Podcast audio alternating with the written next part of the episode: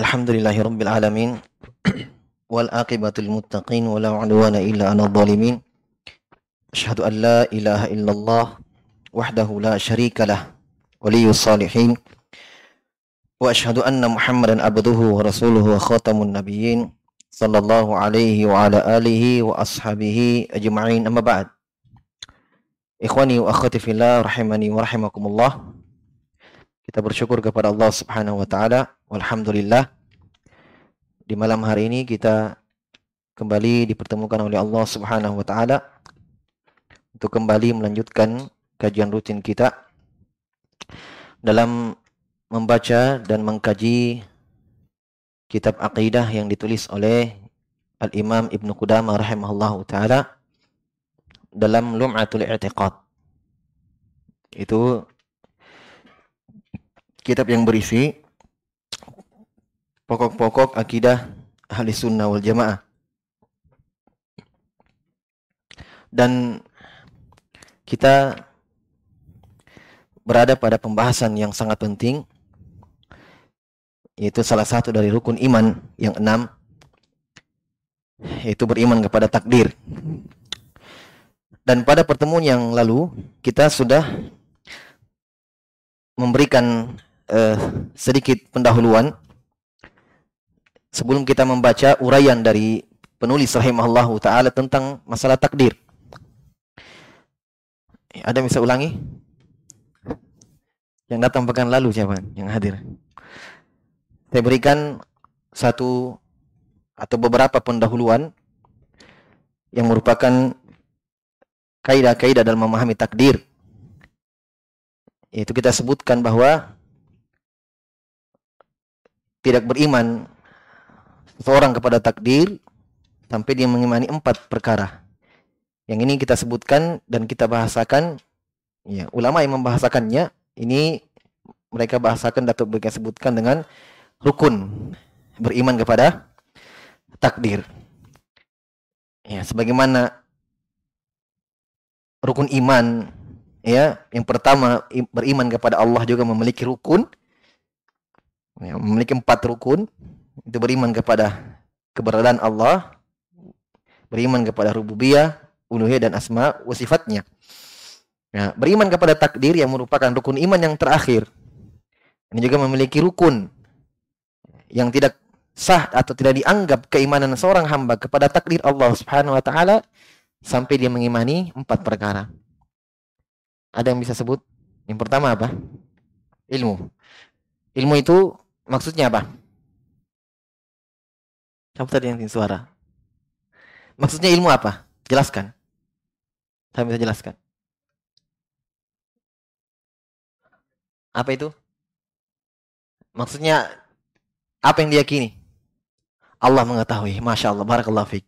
Allah mengetahui segala sesuatu. Dan ini dijelaskan dalam Al-Quran dalam berbagai ayat tentang keluasan ilmu Allah. Rabbana wasi'ta kulla syai'in rahmatan wa ilma. Ya Allah, rahmat dan ilmumu melingkup segala sesuatu. Tidak ada yang lepas dari ilmu Allah Subhanahu wa taala. Ini secara umum, secara rincinya Allah jelaskan juga. Ya'lamu ma yalju fil ardi wa ma yakhruju minha wa ma yanzilu minas sama'i wa ma yarju fiha. Kata Allah Subhanahu wa taala, Allah tahu apa yang masuk ke dalam bumi dan apa yang keluar. Allah tahu apa yang naik ke atas langit dan apa yang turun dari langit. Semuanya Allah tahu. Ya, wa ya'lamu ma fil barri wal bahr dalam ayat yang lain. Wa ma tasqutu min waraqatin illa ya'lamuha wa la habbatin fi dhulumatil ardi wa la ratbin wa la yabisin illa fi kitabim mubin. Allah mengetahui apa yang di laut dan apa yang di darat. Tidak ada daun yang jatuh dari pohon kecuali Allah tahu berapa jumlahnya. Tidak ada yang tidak ada biji yang ditanam ke dalam tanah dalam kegelapan tanah Allah tahu. Ya, semuanya Allah tahu. Kemudian tidak ada yang kering, tidak ada yang basah kecuali semua Allah Subhanahu wa taala mengetahui. Itu secara rinci yang Allah sebutkan. Jadi dalam Al-Qur'an Allah jelaskan keluasan ilmunya jumlatan wa tafsila, secara umum dan secara rinci. Secara umum dan secara terperinci. Ini kita harus mengetahui semuanya. Kaitan dengan takdir, kaitan dengan takdir, iya, termasuk seluruh apa yang terjadi, Bukan cuma apa yang masuk ke tanah, apa yang keluar. Semua yang terjadi. Di antaranya juga apa yang laku, hamba lakukan. Iya. Itu kaitannya dengan takdir. Berarti semua apa yang hamba lakukan, iya, manusia lakukan, Allah tahu. Bukan cuma yang disebutkan tadi, tanah, laut, semuanya. Tapi apa yang manusia lakukan itu Allah tahu. Tidak ada yang lepas dari ilmu Allah subhanahu wa ta'ala. Ya. Berarti ini sangat erat kaitannya dengan tak, takdir. Jadi semua yang terjadi entah itu ketaatan, keburukan, maksiat, musibah, nikmat, semuanya tidak ada yang lepas dari ilmu Allah Subhanahu wa taala. Yang kedua, apa yang kedua? Penuli penulisan.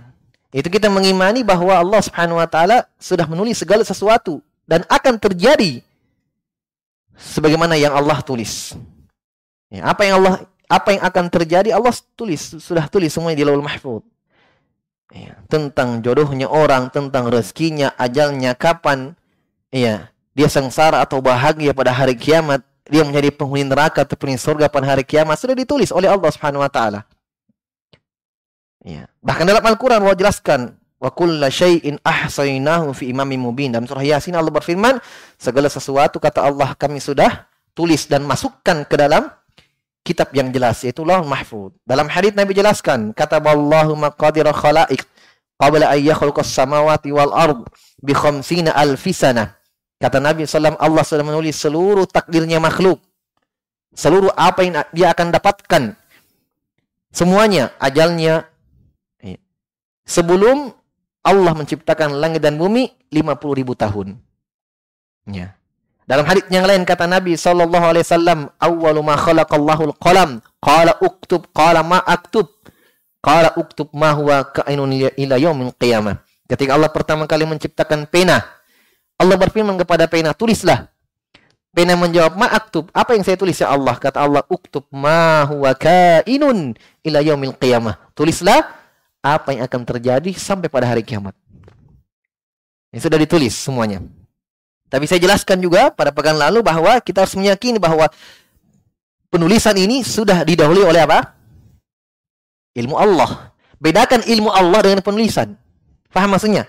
Jadi sebelum Allah menciptakan pena untuk menulis semua takdir, Allah sudah tahu apa yang akan ter terjadi. Hanya dengan hikmah Allah Subhanahu wa taala dengan keinginan dan kehendaknya Allah ciptakan pena untuk menulis semua takdir. Jangan memahami oh berarti Allah Iya, sebelum menulis Allah belum tahu tidak. Allah sudah tahu semuanya. Jangan berpikir juga berarti Allah butuh dengan pena untuk menulis. Iya, Allah mungkin lupa kalau tidak ditulis. Tidak. Itu hikmah Allah Subhanahu wa taala. Ya. Walaupun Allah tidak ciptakan pena untuk menulis seluruh takdir, Allah sudah tahu apa yang akan terjadi. Difahami?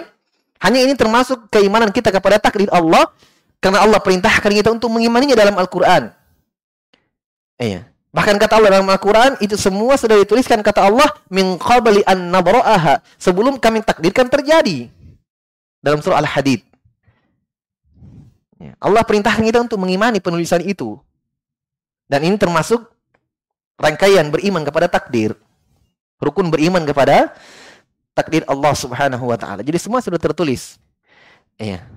Hari ini ada orang tidak jadi mati. Ya, itu sudah tertulis juga. Eh, hari ini orang bunuh diri, ya ajalnya di situ. Walaupun dia dengan cara bunuh diri. Jadi ajal itu tidak bisa dimajukan dan dimundurkan. La yastakhiruna sa'atan wala yastaqdimun. Ajal itu kata Allah, mereka tidak bisa memajukannya, mengakhirkannya dan tidak bisa memajukannya. Ya, jadi kalau ada bunuh diri itu ajalnya tertulis. Hari itu jam segitu, ya waktu itu dia akan mati. Bagaimanapun caranya. Hari ini ada orang mau dibunuh tapi tidak jadi mati, ya belum ajalnya. Belum ajalnya. Hari ini orang-orang bekerja siang sampai ya, pagi sampai pagi kembali, dia dapat rezeki sekian. Ya, itu sudah tertulis juga. Jelas ya? Jadi tidak ada yang tertulis, tidak ada yang terjadi, itu meleset dari apa yang Allah tulis. Kali-kali tidak. Ya, tetapi apa yang terjadi itulah yang Allah sudah tentukan di dalam mahfud. Jelas ya? Bahkan Allah kuatkan lagi melalui hadis Nabi Shallallahu Alaihi Wasallam penulisan takdir di dalam perut ibu. Ya, paham? Di dalam perut ibu. Dalam hadis Abdullah bin Mas'ud. Ya. Ketika janin itu sudah berbentuk manusia, Allah ya fayu'maru fihi bi arbati kalimat. Ditiupkan kepadanya, diberikan kepada janin itu empat perkara. Ya, ditiupkan ruh. Iya, diberikan rezekinya, ajalnya, atau dia apakah dia sengsara pada hari kiamat atau termasuk orang yang bahagia. Ini takdir. Iya, makanya ulama membahasakan ini takdir umuri namanya. Takdir seumur hidup. Paham? Tapi yang dituliskan ketika masih di alam rahim itu sudah tertulis di di mana? Laul Mahfud. Ya. Hanya di situ ditulis lagi, ditentukan lagi. Padahal sudah semuanya sudah tertulis. Dipahami ya? Jadi tidak ada yang bertentangan semuanya. Iya. Yang ketiga apa yang ketiga?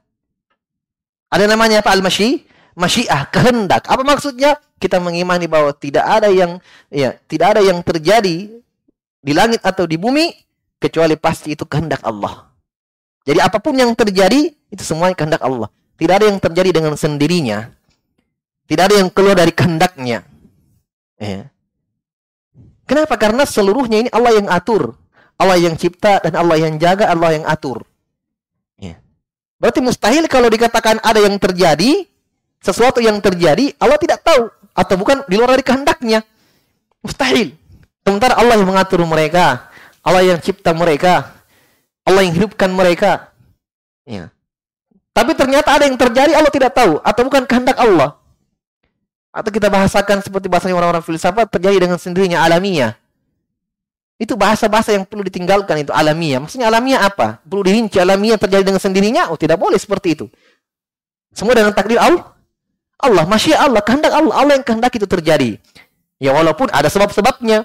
Misalnya tsunami, misalnya ini terjadi gesekan ini, gesekan. Iya itu kita tidak pungkiri. Itu terjadi, itu sebab. Iya. Oh, gerhana terjadi karena ini bayangan bumi tertutup apalah kalian istilahkan itu. Ya. Itu sebab saja. Tapi apakah itu terjadi dengan sendirinya? Di luar dari kuasa Allah, di luar dari kehendak Allah dan keinginannya? Tidak.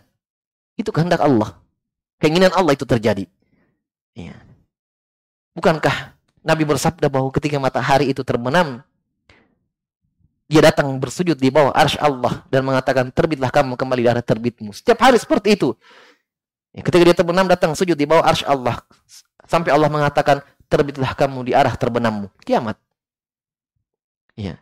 Dalam Al-Qur'an Allah jelaskan lagi langit dan bumi diperintah datang kepada Allah Subhanahu wa taala, "I'tiya tau'an au karha."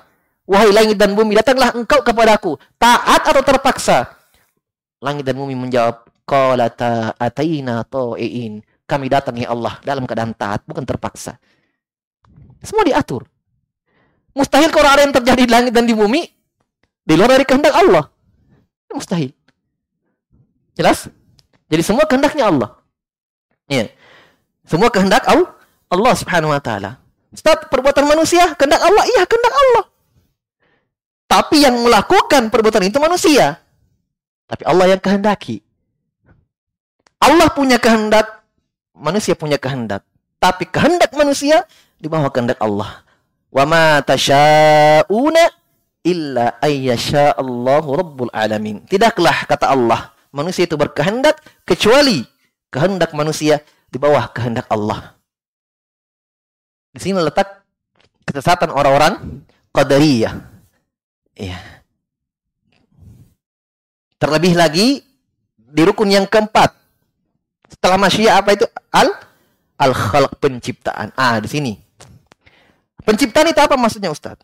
Penciptaan itu kita harus meyakini bahwa segala sesuatu yang terjadi, ya, segala sesuatu yang terjadi di langit dan di bumi seluruhnya adalah ciptaan Allah. Ciptaan Allah Subhanahu wa taala. Paham? Jadi semua Allah ciptakan dengan kehendaknya Allah ciptakan itu. Allah adakan.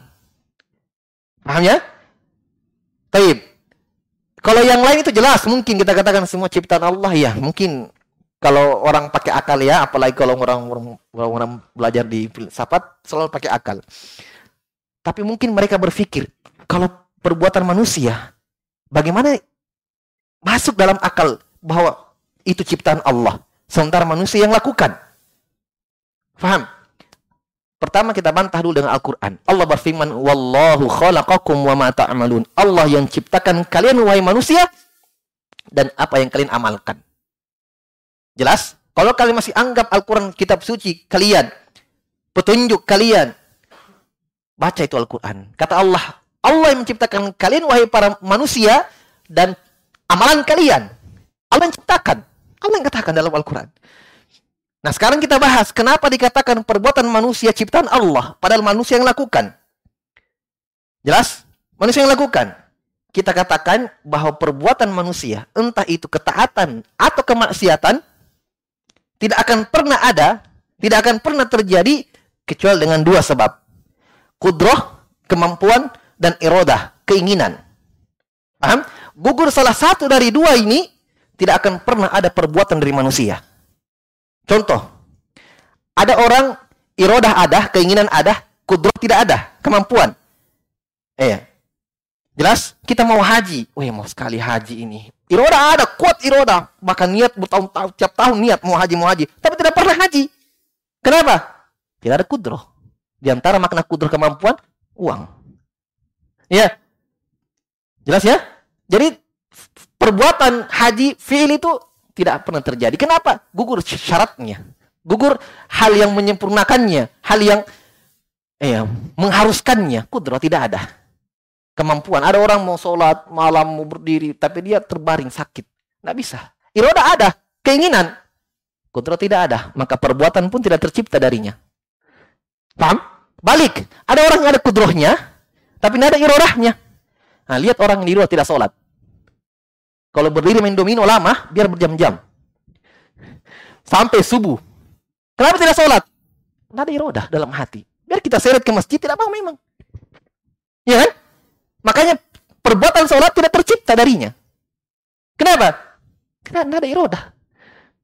Nah harus tergabung dua ini, kudroh dan irodah. Nah ini kudroh dan irodah. Siapa menciptakan kepada manusia? Siapa yang berikan kepada manusia? Allah Subhanahu wa taala. Salahkah Allah ketika sandarkan perbuatan manusia ciptaan Allah? Hah? Benar. Karena Allah yang menciptakan sebab adanya perbuatan perbuatan. Allah sandarkan kepada dirinya sebabnya, pencipta sebab. Tapi yang lakukan perbuatan itu bukan Allah, manusia. Dan manusia tidak dipaksa dalam melakukan perbuatannya. Dia memiliki kehendak. Manusia yang memiliki kehendak di depan mereka jalan sudah jelas. Yang salah dan yang benar. Dia yang pilih.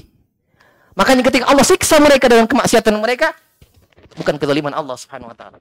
Bukan kezaliman Allah Subhanahu wa taala tapi keadilan Allah Subhanahu wa taala. Allah menyiksa Firaun dan kafirannya. Allah menyiksa Abu Talib dan kekufurannya.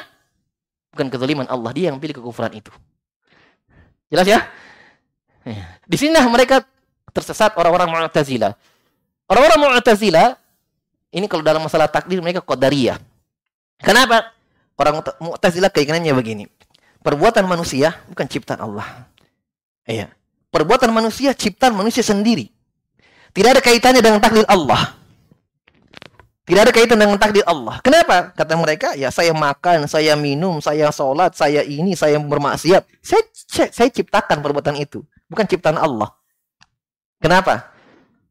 Karena kata mereka, kalau kita katakan ini ciptaan Allah, perbuatan manusia ciptaan Allah, sementara mereka lihat ada kemaksiatan. Kalau Allah yang ciptakan kemaksiatan itu dari hamba, Allah yang siksa, udzolim. Kalau begitu, tidak. Perbuatan manusia, ciptaan manusia sendiri. Mereka, iya, berniat baik, berniat mensucikan Allah dari kezoliman, iya, walaupun itu tidak mengharuskan, tetapi mereka terjatuh ke dalam, iya, kesesatan yang lebih parah dari apa yang mereka ingin terhindar darinya. Mengingkari takdir Allah Subhanahu wa taala. Makanya di sisi orang-orang Mu'tazilah bahwa pencipta bukan cuma Allah, semua kita pencipta. Pencipta apa? Pencipta perbuatan sendiri. Makanya, iya, kata Nabi SAW dalam hadis, walaupun hadisnya ada kelemahannya dari sisi sana, tapi mananya benar. Nabi mengatakan al-qadariyatu majusi hadhil ummah. Qadariyah itu Mu'tazilah, majusinya umat ini. Tahu kenapa dikatakan majusi? Majusi itu meyakini dua pencipta, pencipta kegelapan dan pencipta cahaya. Makanya mereka menyembah api. Karena api yang menciptakan cahaya. Nah, ini Tuhan cahaya ini. pencipta cahaya. Jelas? Nah, Qadariyah berarti mirip dengan Majusi, bahkan lebih parah daripada Majusi. Majusi hanya menetapkan dua pencipta, kalau orang Mu'tazilah menciptakan eh, meyakini pencipta banyak. Saya pencipta, antum pencipta semuanya, pencipta perbuatan sendiri. Paham? Ketika mereka meyakini bahwa perbuatan manusia ciptaan manusia sendiri bukan ciptaan Allah, keluar dari ayat. Sekarang mereka mengingkari ayat. Wallahu khalaqakum wa ma ta'malun. Allah ciptakan kalian dan apa yang kalian lakukan. Jelas ya? Jadi jangan bingung kenapa di, dikatakan perbuatan manusia ciptaan Allah. Iya.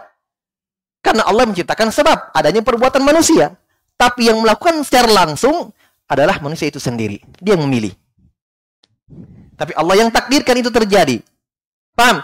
Jadi semua kekufuran-kekufuran yang terjadi itu Allah yang ciptakan. Kufurnya Fir'aun. Kufurnya Abu Talib. Abu Lahab. Allah yang ciptakan? Iya. Allah yang inginkan? Iya. Loh, Ustaz, bukankah Allah tidak menyukai kekufuran? Wala yardha li kufur. Allah tidak senang dan tidak ridho dengan kekufuran? Iya, betul. Allah perintahkan mereka beriman secara syar'i. Allah inginkan mereka beriman secara syar'i. Ya, tapi Allah kehendaki itu tidak terjadi. Yang terjadi dari mereka adalah kekufuran. Mereka yang pilih sendiri. Mungkin kita bertanya, Ustadz, kenapa Allah tidak suka, tapi Allah takdirkan terjadi? Sekarang saya tanya, apakah Allah menginginkan semua kita beriman di dunia? Allah menginginkan semua itu? Allah inginkan. Kenapa kan tidak? Untuk apa diutus Rasul? Untuk apa turun Al-Quran? Usah semua manusia, Fir'aun saja kita bahas. Apa saya tanya semuanya di sini. Jangan keluar dari tempat ini kalau masih salah jawabannya. Bahaya tuh ditanya di mana belajar di sana. Saya tanya dulu, jawab serentak semuanya. Saya tanya, apakah Allah menginginkan Firaun untuk beriman? Pasti. Diutus Nabi Musa alaihissalam kepadanya. Bahkan dikuatkan dengan saudaranya Harun alaihissalam. Paham? Diperintahkan untuk mengikuti Nabi Musa. Iya. Tapi kenapa Allah takdirkan Fir'aun kafir? Allah tidak suka kekufuran, Allah takdirkan dari Fir'aun kafir. Tidak usah. Iya. Bahas tentang Allah. Kita lihat pada manusia saja. Pertanyaannya begini. Bisakah dari manusia itu melakukan sesuatu yang dia tidak sukai? Bisa. Contoh minum obat. Dia tahu ini pahit. Ya, dia tahu ini pahit, boy, luar biasa sampai muntah-muntah, tapi dia tetap menelannya sampai tutup hidung. Makan. Kenapa? Walaupun dia tidak suka, kenapa dia lakukan? Ada maslahat di balik itu. Paham? Ada kebaikan yang dia inginkan tanpa melihat apa yang dia lakukan. Lihat yang di belakangnya, maslahat yang besar. Ada orang yang sakit, kakinya membusuk lukanya. Ya, dokter bilang ini bahaya ini. Akan menjalar virus itu ke dalam ke seluruh tubuhmu. Tidak ada jalan lain yang putasi. Apakah saya tanya, apakah dia akan lakukan itu? Pasti lakukan, walaupun mengeluarkan biaya yang banyak. Operasi. Dia suka atau tidak? Kenapa dilakukan? Ada masalah yang besar. Itulah yang terjadi pada semua kemaksiatan, semua kekufuran. Ibnu Qayyim bahas, tidak usah bahas Fir'aun. Bahas asalnya. Kenapa Allah ciptakan iblis? Ya, kalau tidak ada iblis, pasti Fir'aun akan beriman. Kan begitu kan? Pasti Fir'aun akan beriman. Kalau tidak ada iblis, semua orang kafir pasti beriman. Akarnya kekufuran mereka adalah iblis. Kenapa Allah ciptakan iblis? Kenapa? Banyak maslahatnya. Iya. Dengan adanya iblis ada yang kufur, maka ada syariat jihad. Kalau tidak ada iblis, semua beriman, tidak ada jihad. Saya mau diperangi. Orang beriman diperangi sama-sama. Percuma. Tidak hikmah Allah Subhanahu wa taala, bukan hikmah Allah itu. Iya. Dengan adanya iblis ada yang kufur, ada yang bertobat. Nampak nama-nama Allah At-Tawwab. Allah Maha menerima taubat. Kalau tidak ada iblis, semua beriman, tapi mau bertobat dari maksiat, semua jadi malaikat. Iya kan? Semua tidak ada dosa. Oh, surga semuanya. Tapi itu tidak hikmah Allah Subhanahu wa taala, bukan hikmah Allah itu. Itulah diciptakan kita, kalau begitu usah hidup. Langsung surga saja. Kan begitu kan? Untuk apa hidup? Kata Allah Subhanahu wa taala, "Wallazi khalaqal mauta wal hayata liyabluwakum ayyukum ahsanu amala." Allah ciptakan kalian ada kehidupan, ada kematian agar Allah lihat siapa yang paling indah amalannya. Itulah hikmah kehidupan. Supaya Allah melihat siapa yang beriman, siapa yang tidak. Pada Allah sudah tahu ini yang beriman nanti, ini yang kafir. Makanya kita dicipta oleh Allah Subhanahu wa taala. Ya, Allah agungkan kita dengan satu ke, satu keagungan yang tidak ada tandingannya, tauhid. Itu untuk kebahagiaan kita sendiri. untuk kemaslahatan kita sendiri, bukan untuk Allah. Makanya kata para ulama, eh, Allah cipta kita untuk memuliakan kita memang. Makanya kita tidak dipilih sebagai binatang. Karena binatang tidak ada masuk surga. Tidak ada masuk surga mereka. Tidak ada masuk neraka. Untuk apa hidup? Ya, binatang hidup seperti itu saja. Makan, tidur, makan, tidur, makan, tidur. Makanya manusia seperti itu tidak beriman kepada Allah. Allah serupakan dengan binatang dalam Al-Quran. Walladzina kafaru yatamatta'una wa ya'kuluna kama taqulu an'am wan nar lahum. Orang-orang kafir makan senang-senang sebagaimana makannya binatang ternak. Neraka tempat kembali mereka. Ya kan? Apa gunanya kamu hidup kalau kamu tidak beriman? Mending mati saja. Seperti binatang. Makan tidur. Seperti itu. Tapi orang beriman tidak. Orang-orang beriman kepada Allah Subhanahu wa taala selalu memikirkan sebenarnya kita hidup ini untuk apa sih? Apa yang kita cari? Harta. Habis harta itu. Kita tidak bawa. Kita hidup untuk untuk bersenang-senang saya dengan menikah wanita. Kita tinggalkan istri itu juga. Kita dikubur sendiri. Bukan masuk juga anak-anak istri di situ. Sendiri. Tapi Allah sudah sebutkan bahwa di balik itu semua ada yang tertinggal. Al-malu wal banuna zinatul hayati dunya wal baqiyatus salihatu khairun inda rabbika thawaba wa khairun amala istri-istri dan anak-anak, harta dan anak-anak adalah perhiasan dunia. Apakah semua ini keburukan? Percuma ada pada manusia? Tidak. Al-baqiyatu solihat. Ada yang tersisa dari itu semua. Apa? Yang solehnya, yang baiknya. Yang baiknya dari harta ke mana? Disedekahkan. Jalan Allah. Yang baiknya dari anak-anak. Anak yang soleh. Ini yang tersisa. Selain itu, hanya perhiasan dunia. Jadi percuma orang punya anak kalau anaknya tidak soleh. Ya kan? Karena Allah katakan cuma perhiasan dunia saja. Kalau anak tidak soleh, orang tua meninggal, apa diharapkan anaknya? Apa yang diharap orang tuanya? Ya kan? Kalau anaknya tidak soleh. Orang tua yang sudah meninggal, apa yang diharapkan? Tidak ada. Tapi coba nanya mau menjadi anak yang soleh. Orang tua meninggal, terus mengambil pahalanya. Itu yang tersisa. Eh, jadi tidak percuma ada pada manusia itu. Yang percuma ada pada manusia ketika tidak ada manfaatnya. Ketika tidak ada manfaatnya. Jelas ya? Taib. Jadi sudah terpecahkan semuanya. Kenapa Allah takdirkan ini sudah hikmah Allah taala. Satu lagi. Ketika sudah mengetahui, kita sudah mengetahui bahwa seluruh takdir sudah ditakdirkan oleh Allah, ini neraka, ini sorga. Untuk apa kita beramal? Mungkin kita berpikir bersandar saja kalau begitu. Ini pun pemikiran ini ada di di zaman para sahabat. Di depan Nabi mereka bertanya, "Ya Rasulullah, kalau kita sudah ditakdirkan semuanya ya menjadi penghuni sorga, penghuni neraka, kalau begitu diam saja ya Rasulullah." bersandar saja dengan takdir karena kita sudah ada takdirnya.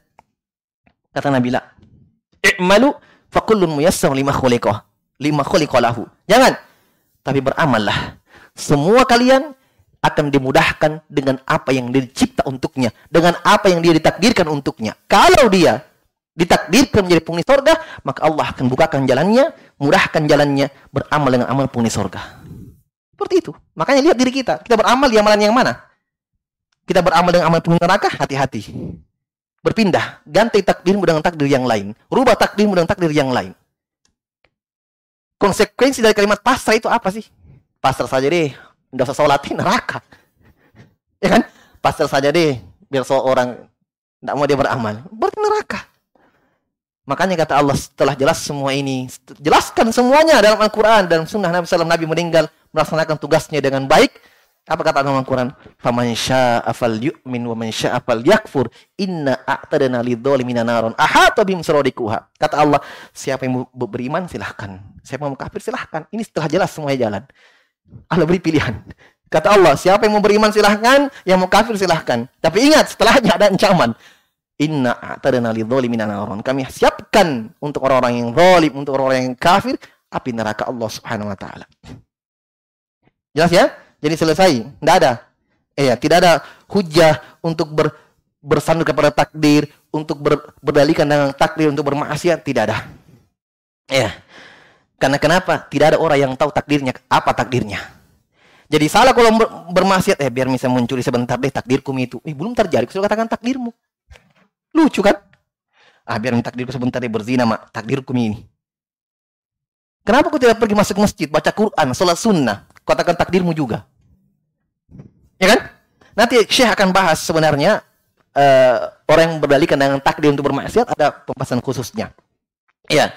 ada pembahasan khususnya. Boleh kita berdalilkan dengan takdir, ya. Boleh kita berdalil dengan takdir, tapi yang sudah terjadi. Satu dalil mereka sebenarnya. Kadang mereka pakai dalil ketika Nabi Musa alaihissalam bertanya kepada Nabi Adam, "Ya Adam," dalam Sahih Bukhari, "Kenapa engkau ya Adam mengeluarkan kami dari sorga?" Kata Adam alaihissalam, "Hadza syai'un qad qaddarahu Allah." Ini sesuatu yang Allah sudah takdirkan. Kata Nabi SAW, maka Nabi Musa dihujai oleh Adam. Kalau Nabi Musa alaihissalam. Oh berarti bisa dong berdalil dengan takdir. Tunggu dulu. Lihat dulu. Nabi Musa bertanya kepada Nabi Adam alaihissalam bukan ya karena maksiat, karena musibah. Nabi Adam ini perhatikan, ada musibah dan ada maksiat. Apa maksiatnya? Makan poh, pohon khuldi kan, buah khuldi ya. Apa musibahnya? Kalau dari keluar dari sor, sorga. Nabi Musa bertanya, bukan kenapa kau makan itu pohon? Bukan maksiat yang ditanya, musibahnya. Kenapa engkau keluarkan kami dari sorga? Nabi Adam mengatakan, itu takdir dari Allah. bahkan hari ini dalil bahwa seseorang boleh berdalil dengan takdir atas satu musibah. Jatuh dari motor, wah kecelakaan. Eh kenapa kau jatuh? Qadar Allah. Boleh tidak? Boleh. Musibah. Eh kenapa tadi kau dapat ini? Kenapa kak? Qadar Allah. Boleh. Tapi kenapa kau tadi kau berzina? Qadar Allah. Memang caranya. Itu maksiat itu bukan bukan musibah, maksiat. Boleh. Bahkan ulama kata Ibnu Qayyim, anggaplah kamu anggaplah Nabi Musa bertanya tentang maksiat. Anggaplah, kenapa kamu kenapa kamu makan pohon itu? Anggap kita ganti. Kata Ibnu Qayyim ganti. Tetap tidak ada dalil, tidak ada hujah atas kalian untuk berdalil dengan takdir menguatkan maksiat kalian. Kenapa? Iya, boleh berdalil dengan takdir akan maksiat tetapi yang sudah bertobat darinya boleh. Nabi Adam sudah bertobat. Beliau alaihissalam memakan buah itu yang dilarang oleh Allah, tapi kata Allah, wa aso Adam rabbahu fagawa, thumma jitabahu fataba alaihi, thumma jitabahu rabbuhu fataba alaihi wahada. Nabi Adam kata Allah bermaksiat dan Allah pilih beliau alaihissalam untuk bertobat, beri petunjuk dan Allah terima tobatnya. Kalau kita bermaksiat dulu dan sudah bertobat dan kita ditanya, kenapa kamu melakukan dulu maksiat itu dan kita sudah bertobat darinya, boleh jawab dengan takdir. Misalnya begini. Ada orang belum hijrah dulu. Sekarang dia sudah hijrah. Kau dulu itu kenapa kau dulu kau pergi pukul orang itu dulu? Hah? Kadar Allah. Boleh. Dengan catatan dia sudah bertobat. Yang tidak boleh berdalikan dengan takdir atas maksiat untuk berketerusan di atas maksiat itu tidak boleh. Paham? Kau dulu itu kenapa kau pergi minum-minum khamr sampai teler-teler tak jungkir di got? Kadar Allah. Boleh. Karena saya sudah bertobat. Paham? Silahkan boleh. Ya, maksiat juga takdir Allah. Jadi tidak salah kalau kita akan kenapa kau bermaksiat itu? Eh, kadar Allah sudah lewat nih. Tidak apa-apa. Iya. Tapi kalau berdalikan dengan takdir untuk bermaksiat terus, eh, besok bermak bermaksiat lagi deh takdir Allah qadarullah. Para belum terjadi, sedangkan qadarullah. Tidak boleh. Paham ya?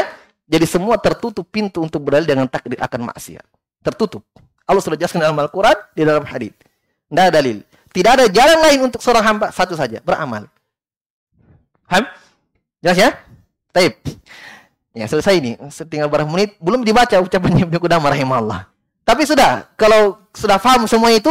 Apa yang akan kita baca dari ucapan beliau? Apa yang kita jelaskan tadi? Itu ringkasannya. Qala rahimahullah ta'ala. Wa min sifatillahi ta'ala annahu fa annahu al-fa'alu lima yurid la yakunu syai'un illa bi iradatihi wa la yakhruju syai'un an masyiatihi. Tuh. Kata beliau termasuk dari sifat-sifat Allah adalah Allah itu fa'alun lima yurid. Annahu al-fa'alu lima yurid. Allah maha berbuat terhadap apa-apa yang Allah kehendaki. Betul? Eh Allah maha berbuat kalau apa yang Allah inginkan?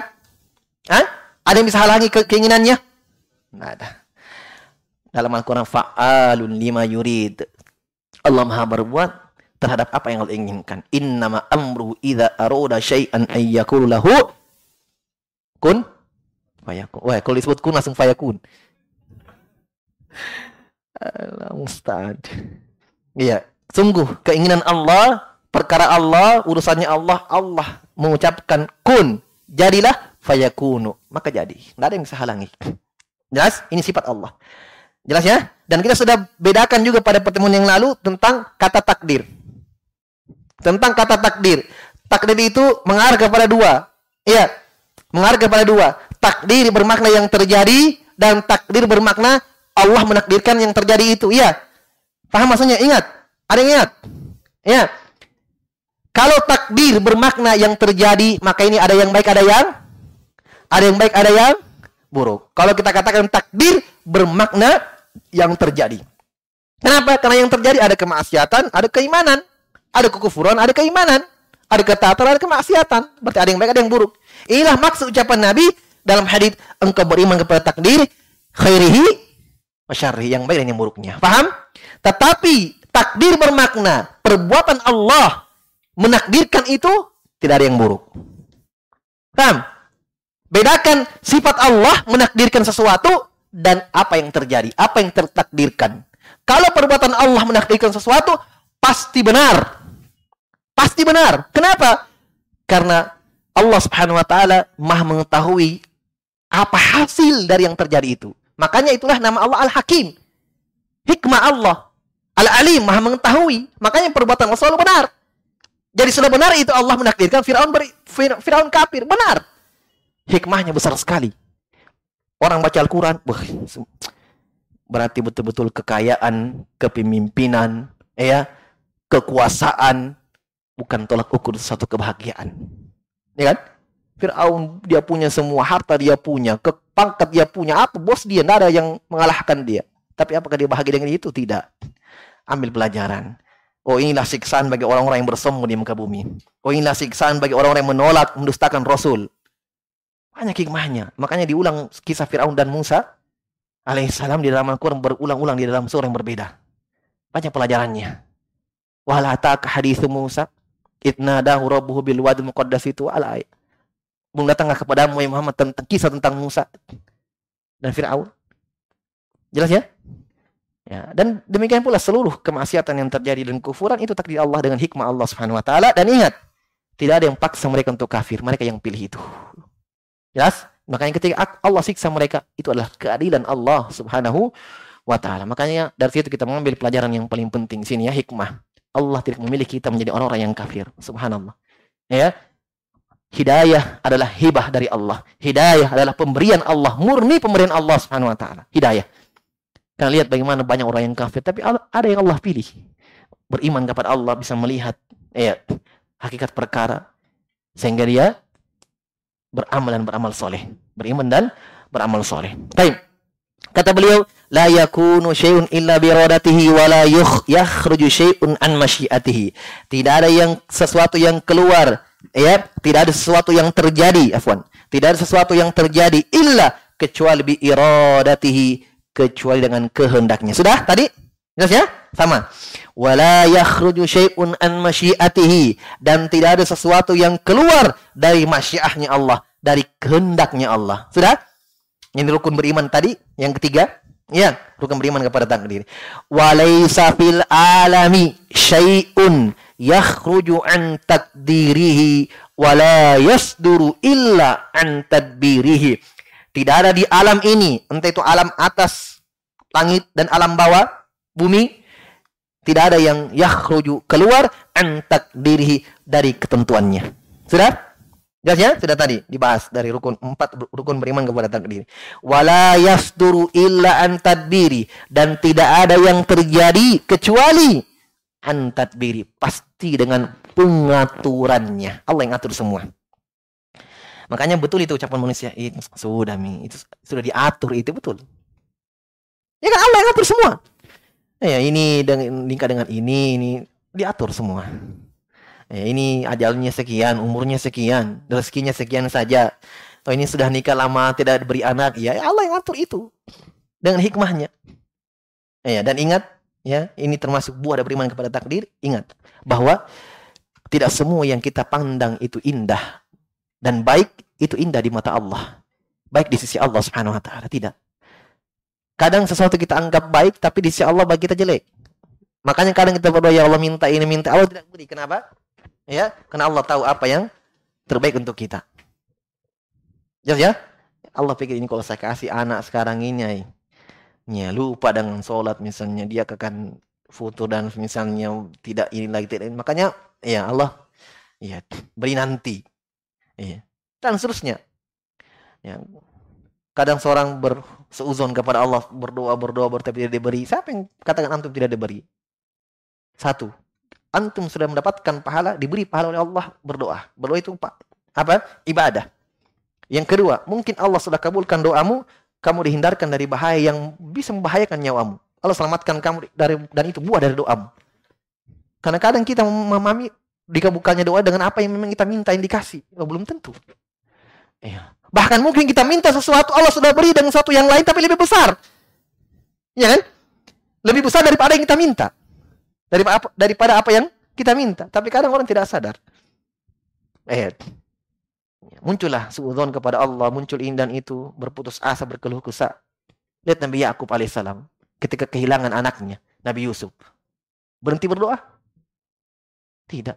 Dia keluhkan kepada Allah, "Inna ma ashku bathi wa husni ila Allah." Wa alu minallahi. Subhanallah, selalu berprasangka baik kepada Allah. Makanya dipertemukan dengan anaknya. Kenapa? Prasangka baiknya kepada Allah. Ya Allah, saya serah, saya mengeluhkan seluruh permasalahanku ya Allah kepadamu. Dan saya saya yakin ya Allah, engkau maha mengetahui apa yang saya tidak tahu. Subhanallah. Diserahkan semua kepada Allah. Dipertemukan di akhir kisah oleh anaknya. Nabi Yusuf, bahkan dengan semua saudara yang lain. Nabi Yusuf dan dua saudara, satu saudaranya yang ya yang ya bersama beliau alaihissalam. Dipertemukan semuanya. Ya.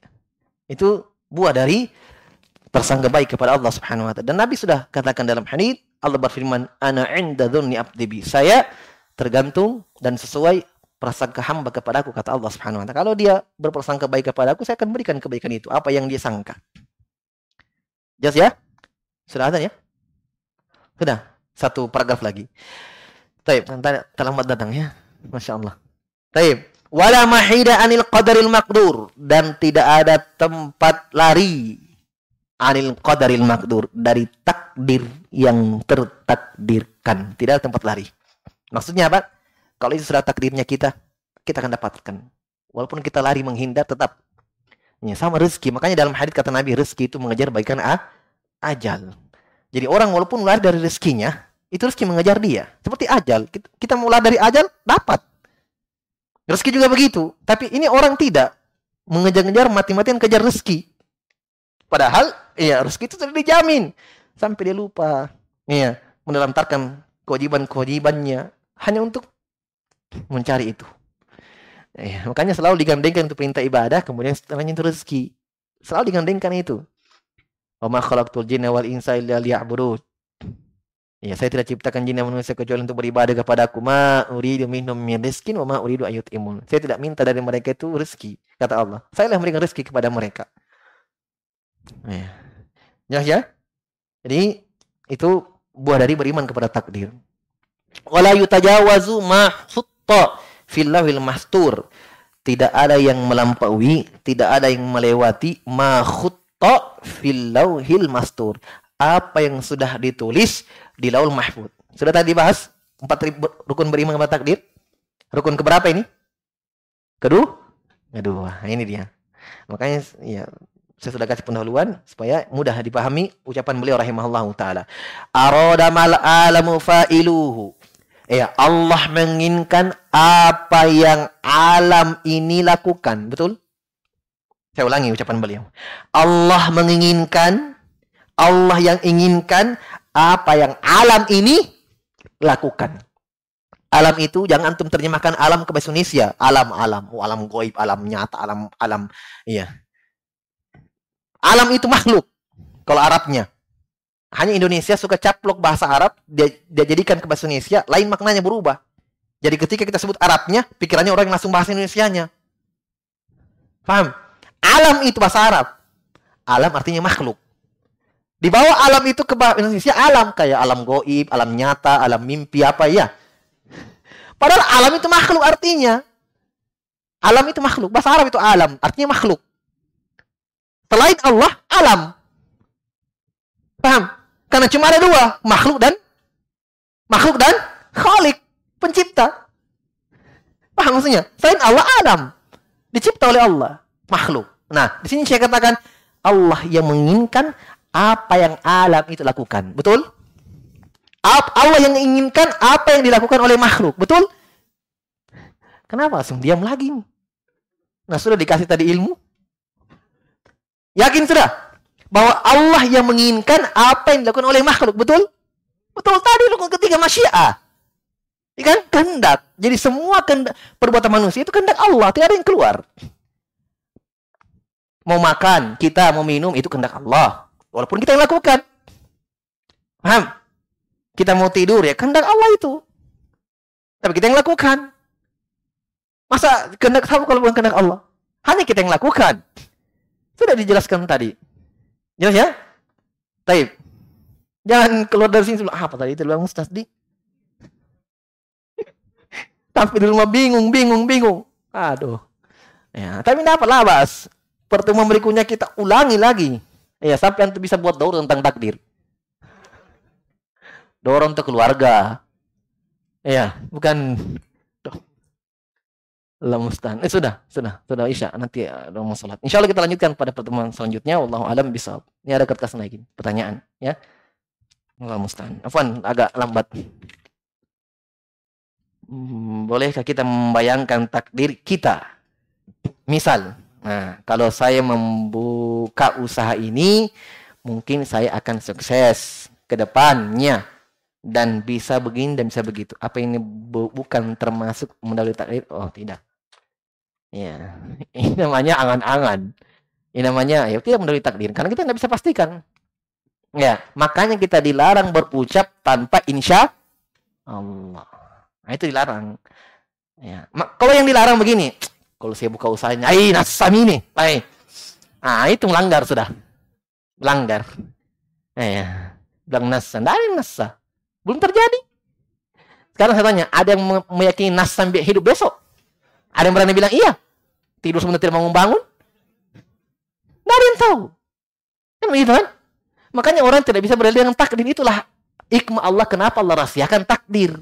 Supaya kita beramal. Kadang kalau tahu takdirnya orang, boleh masuk, masuk, boleh. Tidak bisa. Takdir memang hikmah Allah disembunyikan itu. Supaya orang beramal. Kan begitu kan? Ya, supaya orang berusaha ini dan itu. Ya. Makanya dalam Al-Quran pun Allah mengingatkan nabinya. Lau kuntu a'lamul ghaib lastakthartu minal khair. Katakan kepada umat Muhammad, kalau saya tahu perkara gaib, kata Nabi SAW, saya akan perbanyak amalan kebaikan. Nabi tidak tahu juga. Takdir pun Nabi tidak tahu. Ketika hari Jibril, Jibril datang kepada Nabi SAW bertanya, Mata kapan hari kiamat? Akhbirni anisa. Kapan hari kiamat? Woi, kata Nabi SAW, mal masuk an nabi alam binasail. Tidaklah ini tanya dan bertanya sama-sama tidak tahu. Nabi mau jawab sembarang tentang hari kiamat. Iya. Nabi kapan meninggal saya beliau tidak tahu. Iya. Tentang meninggal dan itu tidak ada yang tahu. Ajal seorang. Jelas ya? Nah, jadi kesimpulannya jawab jawab pertanyaan dari pertanyaan akh ini bahwa kalau membayangkan itu belum belum dikatakan. Ketika kecuali kalau dia pastikan. Nah itu sudah eh, mendahului ya. Dapat dipastikan. Makanya dalam surah al-kahfi tentang insya Allah itu disebutkan dalam kisah kan ada orang yang som, dua dua seorang dua hamba Allah diberikan kebun. Satu yang beriman satu yang kafir. Yang kafir ini masuk ke kebunnya iya memuji, oh ini semua hancur kebunnya. Makanya orang beriman saudaranya datang mengatakan laula laula iddakhal tajannata qulta masya Allah la quwata illa billah. Kalau seandainya tadi kau masuk kebunmu kau katakan masya Allah ini kehendak Allah tidak terjadi seperti ini. Ya, tidak tidak seperti ini. Diingatkan oleh teman yang beriman, laula iddakhal tajannata qulta masya Allah. Dan tadi kamu masuk ke kebunmu ini kan diberikan dua-duanya sama, subur, dua-duanya subur. Tapi yang satu ini kufur nikmat. Ya. Kufur ni nikmat. Kata temannya laula iddakhalta jannata qulta masya Allah la quwata illa billah. In taroni ana aqalla min kamala wa walada. Ya, kau katakan masya Allah. Taib. Dan seluruh perbuatan kita ucapkan insya Allah. Insya Allah. Taib. Allah alam bisawab cukup dulu ya. Subhanakallah bihamdik. Asyhadu an la ilaha illa anta astaghfiruka wa atubu ilaik. Wa akhir da'wana alhamdulillahi rabbil alamin.